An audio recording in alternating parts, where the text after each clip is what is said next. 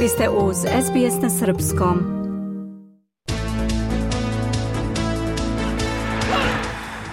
U sportskom bloku danas izdvajamo Futbaleri Crvene zvezde osvojili su prvi bod u ovogodišnjoj Ligi šampiona pošto su utakmici drugog kola odigrali nerešeno protiv Young Boysa 2-2.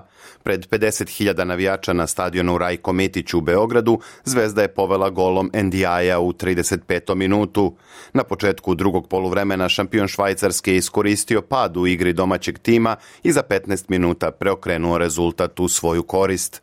Zvezdi se u finišu meča isplatila napadačka igra golom Bukari Šabarija u 88. minutu prvak Srbije je stigao do izjednačenja. U drugom meču grupe G Manchester City je u gostima savladao Leipzig sa 3-1 i zauzima vrh tabele sa maksimalnih 6 bodova.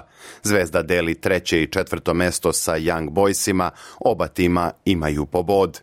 U narednom kolu Lige šampiona Crvena zvezda igra u Nemačkoj protiv Leipciga, a ovaj meč na programu je 26. oktobra a u većini ostalih utakmica najjačeg evropskog klubskog takmičenja koje su odigrane jutrost, gosti su imali više uspeha.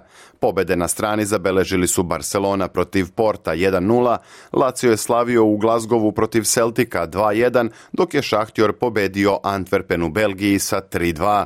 Najveće iznenađenje priredio Newcastle koji je sa ubedljivih 4-1 savladao ekipu Paris Saint-Germaina. Pobedu na domaćem terenu zabeležio i Atletico Madrid protiv Fenorda 3-2, dok su Borussia iz Dortmunda i Milan odigrali nerešeno 0-0 a Svetska futbalska federacija FIFA donela je odluku da se prvenstvo sveta 2030. odigra u čak šest zemalja na tri kontinenta. Mundijal kojim će biti obeleženo 100 godina od održavanja prvog šampionata održat će se u Španiji, Portugaliji, Maroku, Argentini, Paragvaju i Urugvaju. Većina utakmica igraće se u Španiji, Portugaliji i Maroku, dok će po jedan meč biti odigran u Urugvaju, Paragvaju i Argentini. Prva utakmica na mundijalu 2030. igraće se u Montevideo na stadionu Centenario na kojem je davne 1930. odigran prvi meč u istoriji svetskih šampionata. Za kraj vesti iz tenisa.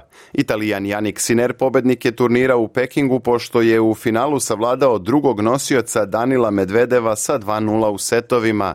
Siner je prethodno savladao i drugog tenisera sveta Carlosa Alcarasa. Italijan će posle ovog uspeha na narednoj ATP listi napredovati na četvrto mesto. Dajte like, podelite, komentarišite. Pratite SBS Serbian Facebook profil.